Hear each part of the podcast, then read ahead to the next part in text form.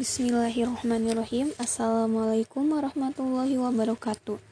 Perkenalkan nama saya Anita Purnama Dari kelompok 4 Angkatan 39 Latsar CPNS Pemprov Jawa Barat tahun 2021 Saya akan menyampaikan tentang analisis isu kontemporer.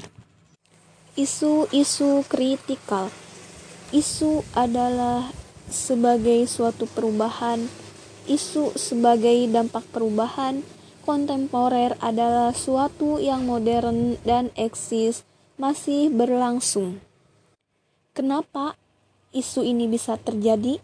Yang pertama adalah karena perkembangan ilmu pengetahuan dan teknologi yang tidak diikuti oleh kesiapan masyarakat dalam menerimanya.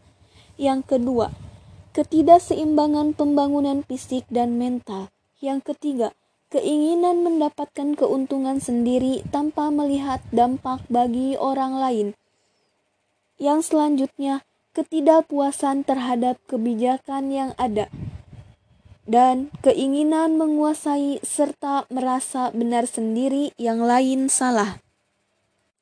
Isu-isu ini terdiri dari korupsi, narkoba, terorisme, radikalisme, money laundry, proxy war, dan kejahatan komunikasi massa atau cybercrime, hashfish, dan hoax. Lima hal yang dapat menjadi sumber untuk mendeteksi isu. Yang, ke yang pertama, media scanning. Yang kedua, existing data. Yang ketiga, knowledge able order. Yang keempat, public and private organization. Yang terakhir, public at large.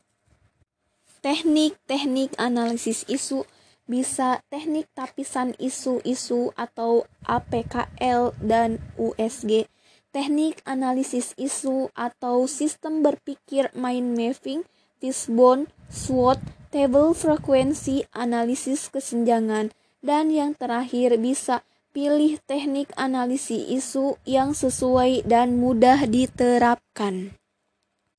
Demikian, wassalamualaikum warahmatullahi wabarakatuh.